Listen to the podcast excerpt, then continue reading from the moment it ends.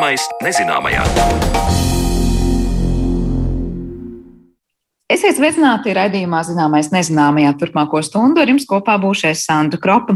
Precīzāks laika prognozes, labāks lidmašīnas, to visu mēs viegli varam saistīt ar kosmosa tehnoloģiju attīstību, bet to, ka zīdaiņu piena maisījumu vai skriešanas apaus uzlaboja tieši pateicoties kosmosa izpētēji, visticamāk zinās rētais. Par ikdienas lietām, ko izmantojam uz Zemes, bet kas reiz radīts kosmosa izpētes vajadzībām, stāstīsim šodienas raidījumā. Līdz tam gan ielūkosimies statistikā un interesantos faktos par lidojumiem kosmosā. Šobrīd galvenie priekšnoteikumi, lai dotos kosmosā, ir pieredze, izglītība un emocionālā noturība. Tā norāda astronomijas entuziasts Inns Češāns. Par pirmajiem un tagadējiem kosmosa iekarotājiem vairāk Zanas Lācis sižetā.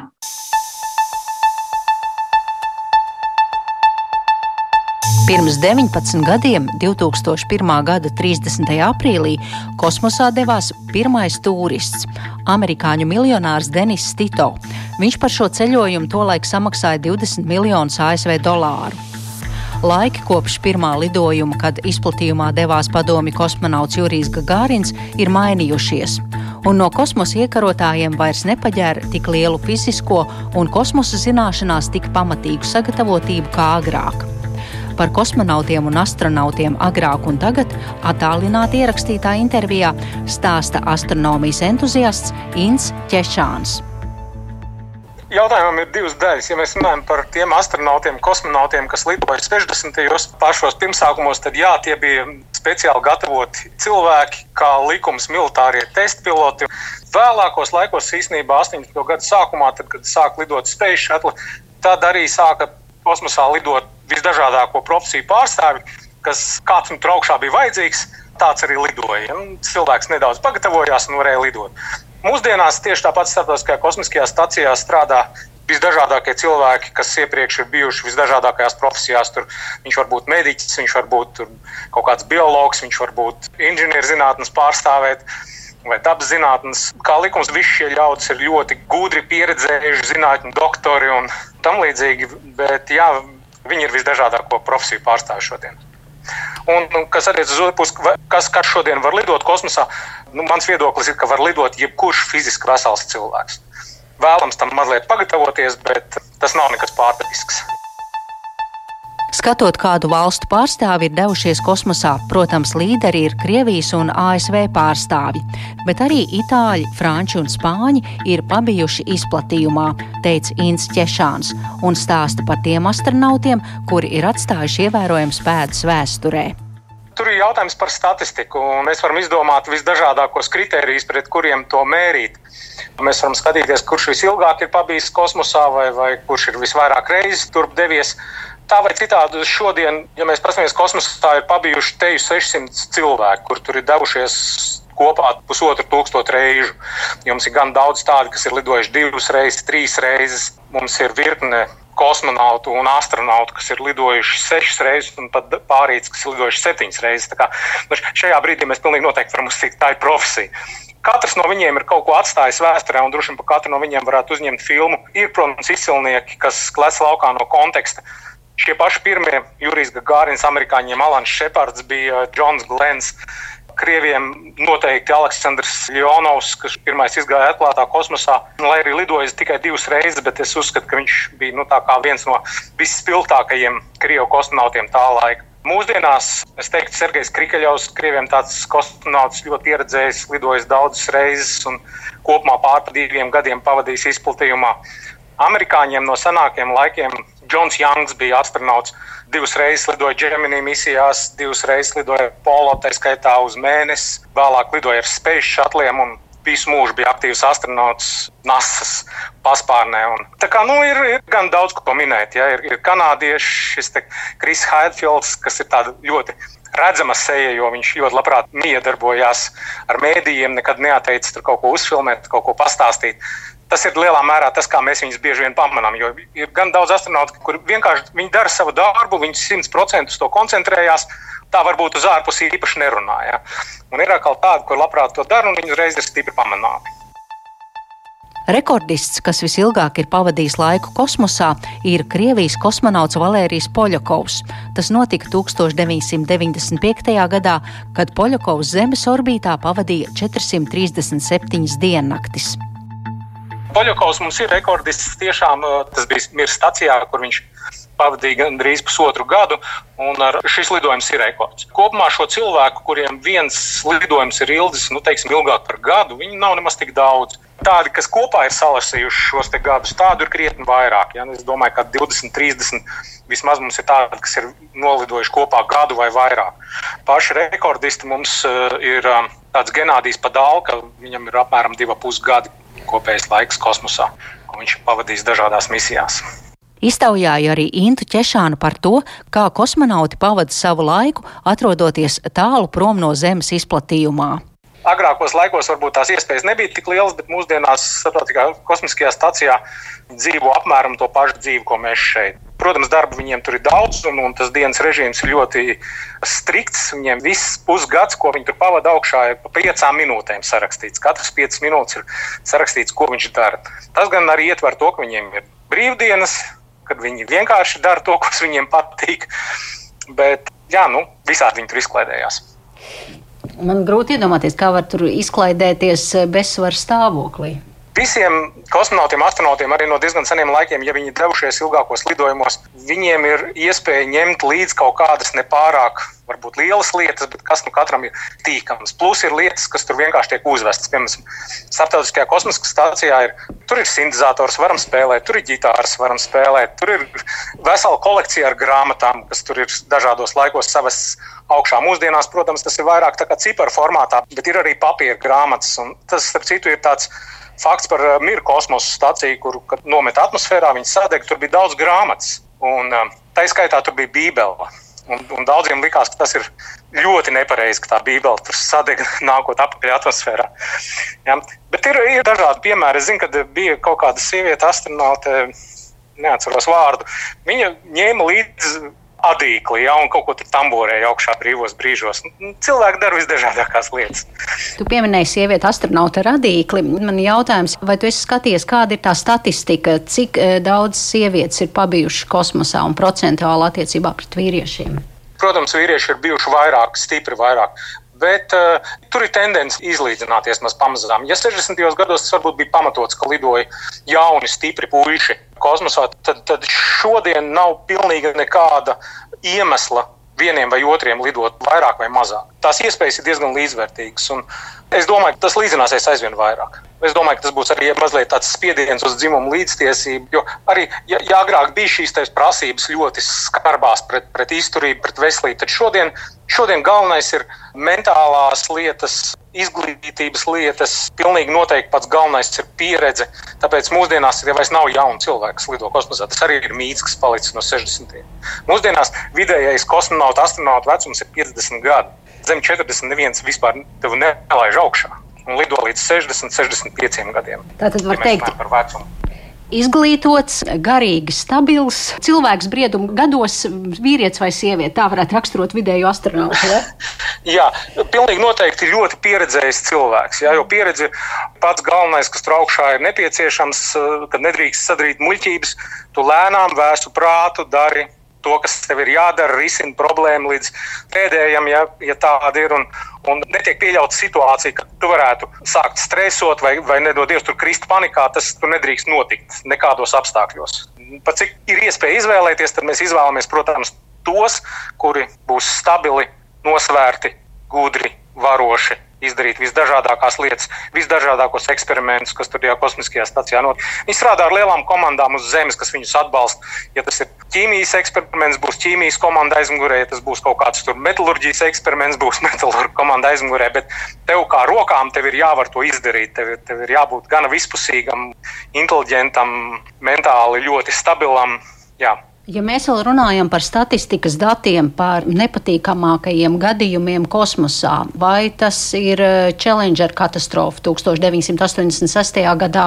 Tur ir sekojoši. Mums ir eh, no kaut kādiem 300 apmēram 30 varbūt visiem 50 kosmosa lidojumiem, pilotējumiem, mums ir četras katastrofas. Mums 67. gadā nostājās Komoros ar Sejus 1, tad 72. gadā trīs krievu kosmonauti nosmaka dēļ bojāt ventīļa. Un tad mums ir Challenger katastrofa 86. gads un, un Kolumbija 2003. Ja.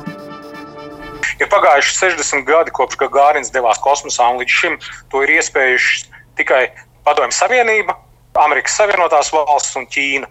Un bez šiem trim lielvarām, kur šīs kosmosa organizācijas ir lielas, valsts organizācijas 60. gados ar neierobežotu budžetu. Turklāt viņām tagad ir kā ceturtais pienācis klāt pirmā privātā kompānija SpaceX, viņam uz papēžiem min Boeing. Es domāju, ka viņi padarīs uh, lidojumus krietni pieejamākus. Tas joprojām būs ļoti bagāts cilvēku teikt, izspriedzi, ja kāds tur gribēs priekšpēc doties augšā, bet šie lidojumi kļūs pieejamāki. Ja? ja man jāsaka, kas notiks pēc nākamajiem 60 gadiem, kur mēs būsim, es domāju, ka, ka privātie kosmosa lidojumi totāli dominēs pār visu. Būs, protams, NASA ar saviem aparātiem, kas bīdīs tādu nu, pašu, pašu zinātnes spīdus uz priekšu. Būs militāristi kosmosā, gribam to vai nē. Bet lielo to lauku Vienalga, vai tās būs kaut kāda rūpniecība un industrializācija, vai tā būs zinātnē, vai tās būs izklaides, to lielu lauku noklās privātie. Par ievērojamākajiem astronautiem, smagākajām traģēdijām un astronautu vaļaspriekiem, atrodoties misijā, Zanē Lācija stāstīja Inns Češāns. Bet raidījuma turpinājumā pievērsīsimies lietām, kas izgudrotas kosmosā, bet ikdienā tiek lietotas uz Zemes.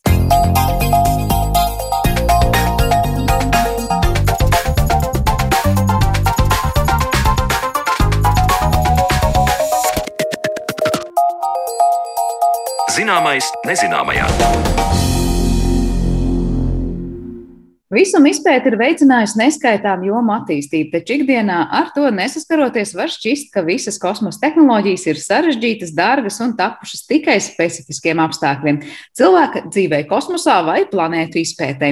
Taču tā nebūtu nav. No kāju protēzēm un drošības standartiem būvniecībā līdz pat datorpelei un uzlabotam zīdaiņu piena maisījumam. Neskaitāmas tehnoloģijas mūsu ikdienu ir padarījušas drošāku un ērtāku pateicoties sākotnējam mērķim - kosmosa izpētē izpētei. Par to visu sīkāk mēs parunāsim raidījuma atlikušajā daļā, kad mūsu attālinātajā studijā esam aicinājuši astronomijas entuziastu un IT speciālistu Raiti Mīsu. Labdien, Raiti! Labdien! Nu, es domāju, ka absolūtais vairākums no mums ikdienā esam ļoti attālināti no kosmosa industrijas, un tad liekas, ka viss ir tik tāls un tehnoloģijas ir radītas pilnīgi citiem mērķiem un noteikti ir dārgas un sarežģītas. Bet realitātē jau laikam sanāk, ka mēs diezgan daudz darbības, ikdienas darbības veicam pateicoties tam, ka kāds savulaik ir mēģinājis atvieglot, nu, piemēram, astronautu dzīvi starptautiskajā kosmosa stacijā vai kā citādi darbojas planētu izpētē. Kā ir, var teikt, ka nu, tam dārgajam atklājumam un tam, kas ir domāts kosmosa izpētē, beidzot ir atrasts nu, tāds komerciāls pielietojums. Nu, droši var teikt, ka šāds pielietojums ir atrasts daudzām lietām. Un, un ir pat tā, ka NASA ir programmas, kuru mērķis ir komercializēt tehnoloģijas, kas izstrādātas kosmosa vajadzībām, izmantošanai starptautiskajā kosmosa stacijā un arī, arī zinātniskiem mērķiem veicot novērojumus gan no, ar instrumentiem uz Zemes un Zemes orbītā, gan arī tādiem, kas tiek sūtīti kopā ar zondēm krietni tālu. Tā kā jādroši var teikt, ka tas pat tiek mērķiecīgi darīts, ne vienkārši notiek, tāpēc, ka tas ir pienācis brīdis, kad nu, tā kosmosa, kosmosam radītā tehnoloģija tagad ienāks mūsu sadzīvē, bet ir pat mērķiecīgi veicināts no NASA un citu kosmosa aģentūru puses. Tā kā nav tā, ka mūsu uh, ikdienas jau esošās tehnoloģijas, ko lietojam, noder kosmosam, drīzāk tomēr tā attīstība ir otrādi. Ja? Kaut kas tiek radīts tām vajadzībām, tiem izaicinājumiem, un pēc tam rod ikdienā mūsu pielietojumu kā tādas nu, ļoti dzīvi atvieglojošas, ērtas tehnoloģijas. Vienalga medicīnā vai mājas uzkopšanā, laikam tur jomas, par kurām runāt netrūkst. Tieši tā, un, un te arī jāsaprot, tas, ka tas jau nav tāpat vienkārši. Tur ir tie iemesli, kad, piemēram, dzīvojot starptautiskajā kosmiskajā stacijā, tām lietām, ko izmanto, ir jābūt mazākām, vieglākām, drošākām. tādām, kas uz Zemes īpaši vajadzīgs, varbūt pat nav, piemēram, kaut kāds instruments bez vada, kāda gaisa attīrīšanas iekārta vai, vai ūdens attīrīšanas iekārta, kas uz Zemes varētu būt realizēta pavisam savādāk, bet tās tehnoloģijas, kas tiek tur izmantotas, pēc tam izrādās, ka ļauj labāk padarīt uh, dzīvi arī uz Zemes. Un tad mēs uz zemes sakām, mēs bez tām lietām pat nevaram iedomāties ikdienā. Ja? Nu, tur droši vien arī piemēri nebūtu jāmeklē daudz. Bet kā vispār notiek tādu jaunu tehnoloģiju radīšana kosmosa vajadzībām? Tas ir kaut kāds desmitgades plāna projektu un ieceres, vai tas notiek salīdzinoši ātri? Tas parasti notiek ilgākā laika periodā, bet tas notiek kādas konkrētas vajadzības pēc, piemēram, šis pats kāmos sensors, kas tagad ir gan telefonos, gan digitālajās kamerās, ko, ko izmanto praktiski tagad visi ražotāji, kas ražo kādu fotografējošu iekārtu, ir radies uh, tieši NASA vajadzībām, kā fotosensors, kurš patērē mazāk enerģijas. Tas, šī sensora attīstības ceļš ir bijis daudzos gados mērāms, bet tas rezultāts ir tāds, ka mēs viņu visi tagad izmantojam. Tā skaitā arī, protams, visi tie aparāti, kas dodas kosmosā, fotografēt, arī viņi šo sensoru, protams, izmanto šo tehnoloģiju. Kāds bija šī sensora sākuma ceļš? Es nezinu, cik daudz tas iedziļinājies, var pastāstīt. Nu, faktiski tā ideja bija tāda, ka bija tie CCD sensori, kas patērē diezgan daudz elektrības, un, kā zināms, dodoties tālās kosmosa misijās šis enerģijas budžets šīm zondēm ir diezgan neliels parasti, tīpaši, ja viņi darbina ar saules baterijām. Un mērķis bija radīt fotosensoru, kas spētu veikt šo galveno darbu, tātad uzņemt attēlus, bet patērēt daudz mazāk enerģijas. Un tas bija tas stimuls, kādēļ vispār šāda veida sensors radās, un tagad viņš ir kļuvis par par praktiski tādu gandrīz vai vienīgo izmantoto. Tur, protams, ir attīstījies un, un kļuvis uh, tāds, ko izmanto arī profesionālajās spoguļu kamerās, bet, bet sākums bija tieši ar mērķi samazināt enerģijas patēriņu. Protams, arī mēs ikdienā no tā iegūstam, jo mūsu telefoni arī lēnāk izlādējas un, un kamera akumulātori ilgāk ļauj mums uzņemt attēlus. Bet kā ir tajā brīdī, kad, piemēram, tāda tehnoloģija primāri tiek veidota, lai atvieglotu konkrēto uzdevumu, tur kosmosa izpētē vai vienkārši lai varētu taupīt enerģiju tur, kur tā ir jātaupa? Ir jau uzreiz tas redzējums, vēlāk tas nākotnē radīs pielietojumu iespējams tur mūsu katra mobilajā telefonā. Vai tas notiek kā kaut kāds liels atklājums un revolūcija, un es nezinu, cilvēki pēkšņi saprot, to var lietot arī, kā saka, parastais cilvēks tepat uz zemes. Vai tas tomēr jau sākotnē ir kaut kāds mērķis, Nu, tad ko ar to tehnoloģiju pēc tam varēs darīt šeit? Nu, tā jāsaka, nav tādas vienotas receptes, kā tas notiek. Ir, ir šis sensors piemērs, kas radās ar mērķi tieši kosmosa vajadzībām un izrādījās loģiski. Protams, vēlāk viņu varēja komercializēt. Bet tas sākotnējais mērķis, cik es zinu, nebija tieši šī komercializācija, bet šīs kosmosa misijas uzlabošana. Savukārt, piemēram, bez, bezvadu instrumenti elektriskie jau sākotnēji tika izstrādāti kopā ar kompāniju Black Decker, kas, kā zināms, ir viena no šo instrumentu ražotājiem arī šobrīd. Un tika radīta priekšā polo programmas, eh, kur, kur bija nepieciešams dažādas bezvadu akumulātori, tātad iekārtas, kas spēja pildīt funkcijas, kas bija nepieciešams arī uz mēnesi tā skaitā. Kuras, tavuprāt, ir tās jomas, nu, kurās mēs esam, nu, var teikt, visvairāk paņēmuši no kosmosa izpētes, vai nav tā, ka iezīmēs tur, nu, nezinu, tikai telefona vai, vai datori vai viss tas, kas saistās mums ar saziņu, vai, vai tu teiksi, tā ir medicīna vai, es nezinu, ikdienas kaut kādas rūpes. Jo, piemēram, saprot, ir visur, sākot no pannas un beidzot ar gaisa kondicionieru. jā, nu tas pats teflons, protams, jā, ir DuPont tehnoloģija, kas gan ir radīta uh, 20. gadsimta sākumā, bet vēlāk ir izmantot arī kosmosa misijās, un šeit gan jāsaka, ka viņi primāri neradās priekš kosmosa, viņi vienkārši tur tika izmantot. Līdz ar to šeit ir vērojami nedaudz pretējs tas virziens, kā saka. Uh, bet, uh, ja būtu jānosauc kāda viena nozara, kas būtu visvairāk iegūsta, tad tas būtu diezgan grūts uzdevums, jo tev, tevis minētā medicīna, visi šie locekļu aizstāšanas uh, mehānismi, kas ir būtiski uzlabots tieši pateicoties kosmosa tehnoloģijām un bērnu barību, kurai tiek pievienotas eļļas ar neaizstājamajām aminoskābēm visas šīs lietas ir tās, kas arī ir, protams, kā sekas tam, kad kosmonautiem vajadzēja veselīgi ēst, un tagad arī mūsu bērni veselīgi ēda.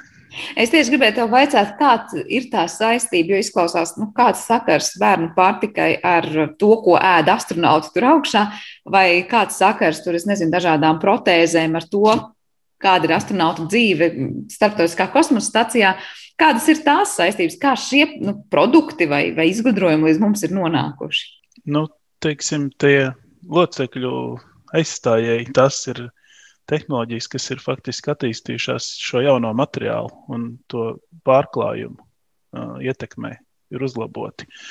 Bija jau arī mākslīgās locītavas pirms tam, bet viņas ir būtiski uzlabotas pateicoties materiāliem, ko izmanto dažādās uh, pielietojumos starptautiskajā kosmosa stacijā un vispār kosmosā. Savukārt šī bērnu pārtika tur ir pragmatisks. Tas uh, mērķis ir uh, uzlabot šīs bērnu pārtikas kvalitāti, pievienojot šīs eļļas, ko iegūst no aļģiem. Un tās eļļas satur šīs neaizstājamās omegas, un, un tas ir jebkuram cilvēkam vajadzīgs, kurus citādi dabūt nevar kā tikai apēdot.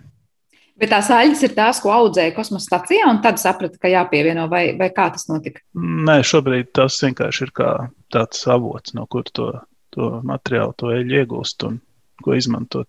Viņi, protams, var iegūt arī savādāk, droši vien no linsāklām gan jau. Un, Nu, protams, audzēt šeit uz Zemes tas ir daudz vienkāršāk nekā kosmosā, bet eh, starptautiskajā kosmosa stacijā patiesībā ir, var teikt, tāda savu veidu siltumnīca, vai ne? Tur tiek audzētas dažādas lietas, bet tas ir vairāk kā zinātniskais eksperiments, un tur ir tā, tā kā pievienotā vērtība paskatīties, kā kas notiek, vai viņi reāli sevi apgādā ar kaut kādām vielām un, un pat pārtiku tādā veidā.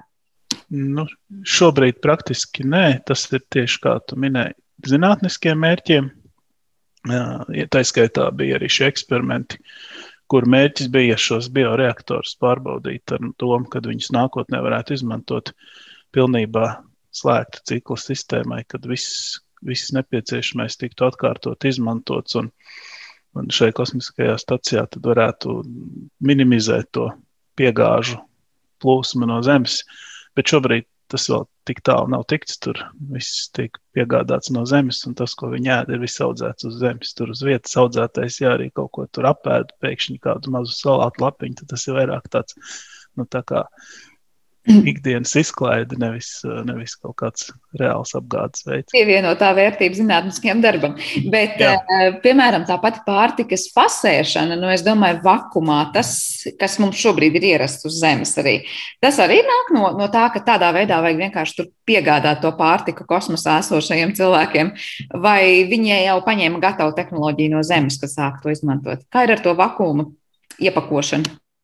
Vairāk šeit ir runa par to sasaldēšanu, aizvācot ūdeni. Kad tu viņu sasaldē, dziļo sasaldēšanu veids, kā, kā tagad iegūst arī, piemēram, šķīstošo kafiju. Šī tehnoloģija, tika, viņa, protams, bija zināma jau, ka to var izdarīt iepriekš, bet viņi attīstījās un arī savu komercializācijas ceļu tieši gāja pateicoties tam, ka tika sākta ražot šī uh, pārtika, kosmonautiem, astronautiem. Un tad tas uh, tika pa palaists, kā saka, plašāk, un arī mēs varam izbaudīt tās iespējas, teiksim, kaut ko veiklā nopērkot. Kā ar to bieži piesaukto lāzeru ķirurģiju vispār un arī šiem iespējamiem redzes korekciju ar lāzeru palīdzību, kas šobrīd ir nu, nenovērtējams dārgums. Es domāju, ļoti daudziem cilvēkiem Kādas tur ir saistības, tas stāsts ar kosmosa industriju un to, kādām vajadzībām kaut kas tika radīts, lai pēc tam rastu pielietojumu, piemēram, redzes uzlabošanā? Jā, tad tur tas stāsts ir par to, ka NASA vajadzēja sistēmu, kas spēj sekot uh, astronauta uh, acu zīlītei. Un pēc tam, kad šī sistēma bija radīta, viņu izman, teiksim, tā, komercializē un tagad izmanto acu ķirurģijā tajos brīžos, kad ar lāzeru veids eh, manipulācijas acī. Tad šī sistēma seko pacienta acu zīlītei un zina, teiksim, tā, kurā brīdī to lāzeru startu drīkst laist, lai kaut ko ne, ne, nesadedzinātu nepareizi. Tas faktiski tur, tas mērķis ir tātad, lai būtu droši šī lāzera ķirurģijas procedūra, lai nenoiet kaut kas greizi. Bet tās sākums ir šī nasas vajadzība tieši izjūt atklātā kosmosā, sekot astronautu tajā zīlītē. Kāda, kāpēc tas ir vajadzīgs, ja mēs runājam par kosmosu un tā sekošanu zīlītei? Jā, godīgi, es precīzi iemeslu nezinu, bet uh, tas, ka viņiem šāda vajadzība bija, tad arī tas ir fakts. Mēs runājam par tādām lielām lietām, kā tur tiešām nu, jau lāzera ķirurģija un, un tiem ieguvumiem, jau kā ar to datorpeli. Vai tu vari pastāstīt, kāds tā datorpele ir tas biogrāfijas izcelsmes stāsts un kur tur ir šī kosmosa tehnoloģija klātesoša? Datorpele ir radusies sadarbojoties, kas tā bija Oksfordas, laikam, universitāte ar NASA. Un mērķis bija radīt manipulātori, kas ir nu, datorpeli, kas ļautu ērti veikt uh, šīs darbības, kādas mēs zinām. Teiksim, nu, tagad klasiski pārvietot datorpels kursoru. Uh, tajā laikā droši vien viņi gluži tādas spēles kursors nepārvietoja, gan jau kaut ko citu, tur kādu marķieru pārvietoja kaut kur, bet faktiski tas, tas jau no sākuma ir uh, gan kosmono, kosmosa industrijas, tātad NASA, nu, publiskā sektora, gan arī uh, akadēmiskā sektora kopdarbs. Tas nav tieši kosmosa, bet mērķis, protams, bija primāri pielietot viņu. Jo, cik kā jau visas šīs jaunās tehnoloģijas, viņas sākotnēji bija dārga, tad, tad tieši, protams, šī kosmosa, tā, pielietojumi droši vien vadības centros un arī droši vien gan jau kas šatlos un tā tam līdzīgi. Mēs, protams, varam runāt daudz par to, kā tas tālāk attīstījās, jo šobrīd arī tāda patiesībā datorpēle, kā tā ir savs, es domāju, attīstības sākuma arī liekas tāds muzejam līdzīgs jau, jau objekts, bet uh, vēl viens priekšmets, par kur noteikti vēlētos pavaicāt, jo, nu, protams, mēs te varam bezgalīgi turpināt šo sarakstu izvirzēt, kā ar to gaisa kondicionieru, vai tā ir taisnība, ka gaisa kondicionieris arī mums ir nonācis, var teikt, mūsu rīcībā pateicoties kosmosa industrijai un tām vajadzībām tur, un ja jā, varbūt tu zini, Kāds ir tas sākums tur?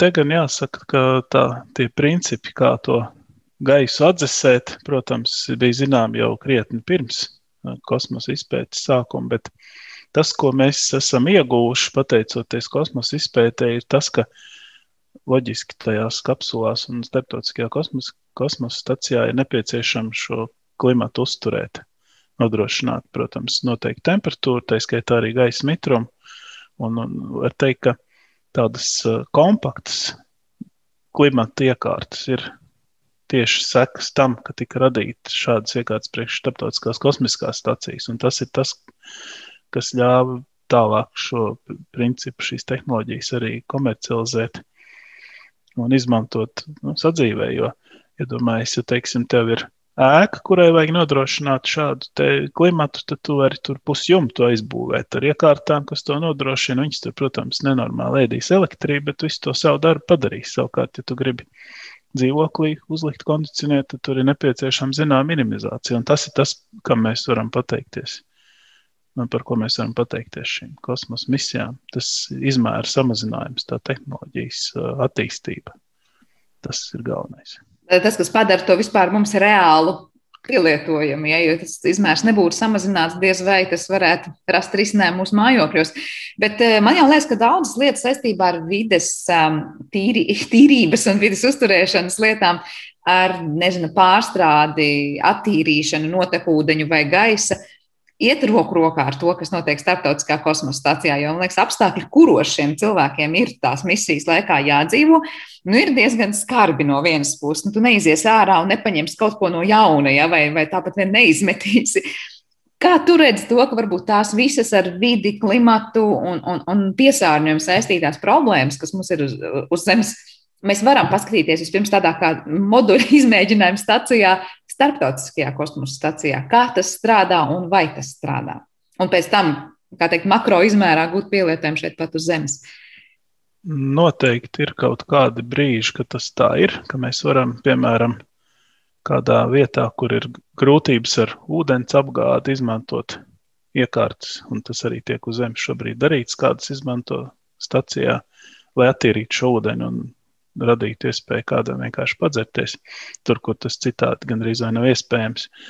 Bet uh, citādi es domāju, ka tās mūsu vidas problēmas un šīs lietas, protams, varētu mēģināt risināt ar kaut kādām tehnoloģiskām lietām, bet ir jāsaprot, ka ilgtermiņā tur nav tehnoloģiski risinājumi, tur ir politiski risinājumi, jāmaina ir attieksme pret, pret vidi un vispār pret to, kā mēs attiecamies pret dabas resursiem. Tikai tas mūs var vispār no, no neglābjamas katastrofas paglābt, kā ļoti daudz to apzinās. Un, protams, ir kaut kādi momenti, kad šīs tehnoloģijas noteikti būs tās, kas dos labumu, glābs dzīvības. Par to vispār nav šaubu. Bet kā tādu globālu risinājumu mūsu šī brīža problēmām es to neredzu, jo, nu, teiksim tā, tas tam nav domāts. Tas ir domāts, lai mums būtu ērtāk kaut kādos brīžos, teiksim, te pašā dzīvoklī būtu vēsums, ja mēs uzliekam kondicionieri. Bet, uh, lai ārā būtu vēsāks, tur, tur ir citi risinājumi. Jā. Protams, mēs runājam par tehnoloģiju savietojamību, un es domāju, tas, kas iet roku rokā ar cilvēku attieksmu, uzvedību un politiskiem lēmumiem, protams, nav par sliktu, ja pretīm ir arī tehnoloģija, kas to ļauj izdarīt efektīvāk, ērtāk un arī lētāk, varbūt kādreiz. Bet runājot par naudu, Kā sanāk visi šie izgudrojumi? Nu, tā ir tāda šobrīd atstāta privāto industriju lieta, un jūs tur paši investējat, jūs pēc tam paši to atpelnat, vai tas ir kaut kāda valstu budžeti, vai tas ir kaut kāds vispār cits vēl kapitāls? Kas, kas par to visu maksā, lai tie izgudrojumi pēc tam pie mums atgrieztos? Nu jā, šeit tradicionāli ir tas moments, ka par to lietu sākotnēji maksā kādas valsts budžets, tātad publiskais finansējums. Tā skaitā, kā minēja arī līdz tam brīdim, kad tas mērķiecīgi tiek komercializēts, arī izmantojot šo publiskā sektora finansējumu. Un tālāk jau ir komersantu ziņā, kā šo tehnoloģiju, kas ir nodot viņiem un komercializēta, kā viņi var iegūt peļņu, uzlabot, kas notiek, loģiski arī notiek. Un, un aiziet, ka tas, tās tehnoloģijas, kā saka, sāk dzīvot jau savu komerciālo dzīvi. Uh, un ir arī veikti pētījumi, ka pēdējo laikam 20 gadu laikā katrs eiro, kas ir ieguldīts ar kosmosa attīstību saistītās lietās, ir atnācis atpakaļ, kā mēdz teikt, desmitkārtīgi.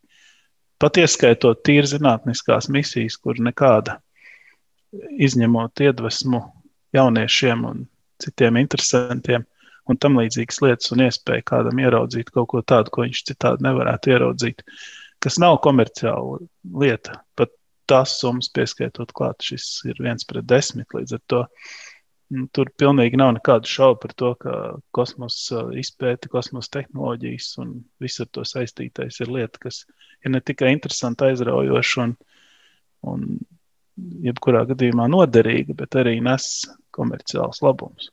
Tā kā atmaksājas vienkārši vārdiem sakot, bet Jā. cik ilgā laikā tā atmaksāšanās notiek? Nu, te jau jāsaprot, ka nav jau noteikti rāmja. Tas ir atkarīgs no tā, ko, ko tu dari. Piemēram, ja Latvijas valsts samaksā miljonu par dalību Eiropas kosmosa aģentūrā un dabū, teiksim, gadā, pieņemsim, tas notiek, tad šī gada laikā dabū līgums par diviem, trim miljoniem mūsu uzņēmēji, tad tas jau ir uzreiz viens pret trīs gadu laikā. Bet, nu, jāsaprot, protams, ka tas, tas nevienmēr tā ir, bet jebkurā gadījumā gala rezultātā tas nes plusus visos veidos, jebkādu, jebkur, jebkuru veidu iesaistē, kā saka. Bet es domāju par tādiem nu, risinājumiem, kur, kā tu pats teici, sākumā gadiem var aiziet, kamēr mēs nonākam līdz kaut kādam produktam, kas pēc tam reāli vai tehnoloģija strādās uz zemes un noteikti tur to peļņu arī nesīs. Sanāk tā, ka kamēr nav kādu bagātu valstu budžeti, mums nekas nenotiek, vai mums ir atsevišķi privātie investori, kas ir gatavi uh, investēt savu naudu tagad, zinot, ka iespējams viņi saņems kaut ko atpakaļ pēc 10 vai 15 gadiem. Vai tā ir realitāte, vai tā nenotiek kosmosa industrijā šodien? Šodien noteikti arī privāti iesaistās, par to vispār nav šaubu, jo, kā mēs jau redzam, pavisam vienkāršā lietā raķešu ražošanā, izstrādē un, un pat palaišanā ir vērojama tendence, ka it īpaši jau ASV iesaistās privātais budžets. Un, tā ir sfēra, kas tradicionāli bija tika finansēta no publiskā budžeta. Tagad tas notiek jau pa privāto naudu. Protams, viņiem ir līgumi arī ar, ar, ar valsti, bet uh, ir arī līgumi, kas ir privāti un, un teiksim, visu šo tehnoloģiju un tehnikas izstrādi viņi veic par savu naudu. Līdz ar to tas kā piemērs tikai, bet es domāju, ka līdzīgas lietas notiek jebkurās citās sfērās, jo tās vajadzības, un to arī viss saka, viņas jau turpmāk ir plāns tāds, ka tiks realizētas vienkārši dodot darbu uzdevumu, piemēram, NASA pasaka, mums vajag aparātu, ar ko var nolaisties uz mēnesi, un tālāk viss ir jūsu ziņā. Un tad loģiski, ka šo nolaižamo aparātu veidojot, šīs privātās kompānijas arī domās par tehnoloģijām, kā to visu uzlabot, un neglābjami radīs jaunas tehnoloģijas, kas sākumā, protams, tur būs tikai priekš šī nolaišanās aparāta, bet vēlāk tiks komercializētas un nonāks mums sadzīvē. Bet tas vēlāk šajā gadījumā nu, varētu nozīmēt, ka tie parasti ir kaut kādi de, gadu desmiti, vai te ir gadi, vai tas notiek salīdzinoši ātri, tas posms, nu kā tas tiek pārvērsts tādai tiešām nu, plašai masai lietojamos produktos. Un te es runāju tiešām, ja sākums tādām ļoti specifiskām zinātniskām vajadzībām. Nu, tas ir atkarīgs noteikti no tā, par ko mēs tieši runājam. Jo, ja tas ir kaut kas saistīts ar kādas liet, esošas lietas uzlabojumu, tas notiek praktiski uzreiz, dažu tur gadu mēnešu, nu, mēnešu laikā, ne, protams, bet gadu laikā noteikti, ja ir runa par kaut kādām lielām lietām, tad, protams, šo lietu ienākšana paņem ilgāku laiku, varbūt pat brīžiem, lai vienkārši to tehnoloģiju, kas maksā miljonus, padarītu tādu, kā, ka to var izmantot arī vēl joprojām par lielu naudu, bet, piemēram, tās pašas magnetiskās rezonanses iekārtas, kas arī sākumā tika nu, ir eh, faktiski viņu sākums, ir kosmosa izpēte, šo kosmonautu veselības uzraudzību un astronautu. Un, kas vēl joprojām maksā dārgi, bet viņas tagad ir arī mūsu slimnīcās. Tas, ir, tas tur aizņem diezgan ilgu laiku. Ja. Bet, eh, nu, teiksim, ja kaut kāds uzlabojums kaut kam savukārt, tas var aizņemt pavisam, pavisam īsu laiku, jo tur vienkārši ražojam tādu kanibulīti un šādu pašu, tikai bišķi savādāk mēs varam pārdot arī tirgu. Jā, tā patiešām ir tāda laba lieta un vieta. Es domāju, cilvēkiem ar radošo iztēli arī domāt, kā ko var pielietot dažādiem mērķiem. Bet saprotu, ka viena gada laikā NASA fiksē vairāk nekā 1400 jaunus izgudrojumus, no kuriem pavisam nedaudz tekot pielietot arī komerciāli. Tad tā sanāk, ka tas, kas tiek izgudrots kosmosa vajadzībām, ir, prātam, pat neaptverams patiesībā apmērs, no kura ir tikai maza daļa, kas nonāk. Lai gan mēs jau nosaucām tik ļoti daudzus piemērus, bez kuriem, liekas, mūsu ikdienas dzīve pat nu, nav iedomājama. Jo es saprotu, to sarakstu mēs nepapildinājām pat ar tādām, nu, liekas, vienkāršām lietām kā skriešanas apavi, kas izrādās arī savu sākumu ar mēģinājumu. Vai, vai atmiņas putas pilvens. Vai ne? Tas tikai vēl. Vai madracis, jā. Kā ir nu, to nu, proporcija? Cik daudz paliek tikai un vienīgi kosmosa industrijai, vai tā ir maza daļa, kas līdz mums nonāk? Noteikti jā, tāpēc ka jāsaprot jau, ka šīs specifiskās lietas jau tiek izstrādātas, un lielākā daļa no viņām tiešām arī tiek izstrādātas kaut kādiem mērķiem, kas ir saistīti ar kosmosa izpēti. Jo mērķis jau ir visas šīs kapsulas, šos kosmosa kuģus, visas šīs raķetes visu šo tehniku, tehnoloģiju un arī varbūt reizēm kādas lietas, kas ir vispār kaut kur tur. Pat mums grūti saprast, kāpēc tur kaut ko blakus arī vajag uzlabot. Tas viss tiek darīts galvenokārt jau ar mērķi tur tikt labāk augšā orbītā un tur labāk strādāt, efektīvāk. Un, un līdz ar to no tā visa ir tikai maza daļa šo izgudrojumu, kas ir tiešām tādi, kam ir reāls pielietojums sadzīvē un uz zemes, kas ir teiksim, vajadzīgs. Var jau ņemt arī kaut kādu dīvainu vērķi, kas tur kaut ko mazliet padara ērtāk, kaut kur augšā orbītā, bet uz Zemes viņš vienkārši nav vajadzīgs. Un, jo viņš nekādu pienesumu nedod, un līdz ar to arī viņu, viņu nu, nekomercializē un neizmanto sadzīvē. Bet...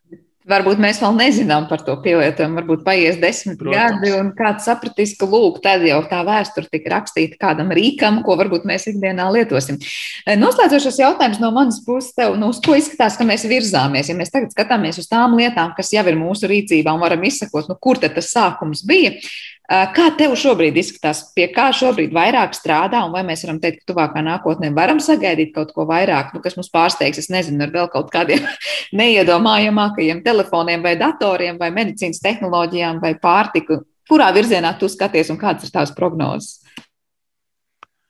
Nu, te varētu teikt tā, ka šobrīd jau tā kosmosa tehnoloģiju integrācija kopējā tehnoloģija attīstībā ir tik, tik liela, ka tā attīstība notiks kop, kopsolī, ja tā varētu teikt. Attīstīsies tas, ko mēs izmantojam ikdienā, notiks ikdienas tehnoloģija pārnes uz kosmosu. Noteikti tas jau arī no, ir noticis agrāk, un, protams, notiks arī pretējā virziena pārnes, kad kaut kādas lietas, kas būs izgudrotas specifiski kosmosa vajadzībām, nonāks pie mums ikdienā. Līdz ar to mana prognoze ir tā, ka palielinoties teiksim, tā, cilvēces iesaistē kosmosa apguvē, kas ir neglābjami, tagad redzams, ka notiek, pieaugs arī šī sinerģija, šī ikdienas lietu uzlabošanas uh, procesa saplūšana ar kosmosa lietu uzlabošanas procesu. Un, un tas notiks dabīgi. Un tās lietas, ko agrāk bija speciāls programmas, kā NASA jākomercializē, viņas vienkārši Pirmkārt, tāpēc, ka viņas izstrādās nevis NASA, bet privātie. Otrkārt, tāpēc, ka viņas jau būs acīm redzami noderīgas gan tur, gan te. Tas viss aizies tā. Tā ir mana prognoze, ka tā vienkārši lietas attīstīsies, teiksim, kur vajag, tur arī uzlabosim. Nebūs tādas stingras robežas, ka šito tikai kosmosam, un tad domāsim, kā uz Zemes pielietot un otrādi. Jā, nu tā kā šīs dažādas nozares saplūst arī zinātnē šobrīd, tas ir protams, jau vairs neatšķetināmi. Ja? Nu, neviens nestrādā tikai un vienīgi pie bioloģijas vai tikai un vienīgi pie fizikas. Visticamāk, tur jau sen notiek šo jomu saplūšana. Tāpat arī izgudrojumos un, protams, arī kosmosa industrijā. Bet tas, ko vērts, manuprāt, paturēt prātā, kā teica, jā, no tās visas lielās izgudrojuma daļas, kas tiek eh, radīta kosmosa vajadzībām, salīdzinoši maza daļa ir tā, kas nonāk līdz mums, bet tā ir parādījusi mums gana bagātīga šī daļa. Ir, Un neraugoties uz to, ka varbūt tā ir salīdzinoši maza, tā joprojām nes diezgan lielu saka, atdevi arī finansiālā uh, kontekstā. Ja mēs skatāmies par investēto vienu dolāru jau, vai, vai eiro, tad atpakaļ dabūjam desmitkārtīgi. Un esmu pat lasījis, ka pat simtkārtīgi tur droši vien jautājums, uz ko un kādā kontekstā mērā. Kā to rēķina, jā. Bet, nu, jebkurā gadījumā tas ir interesanti, un, un tas ir vairāk kā skaidrs, ka esam roku rokā ar kosmosu. Pat ja liekas, tas ir kaut kas tāls un mūsu dzīvēm ikdienā nesaistāms.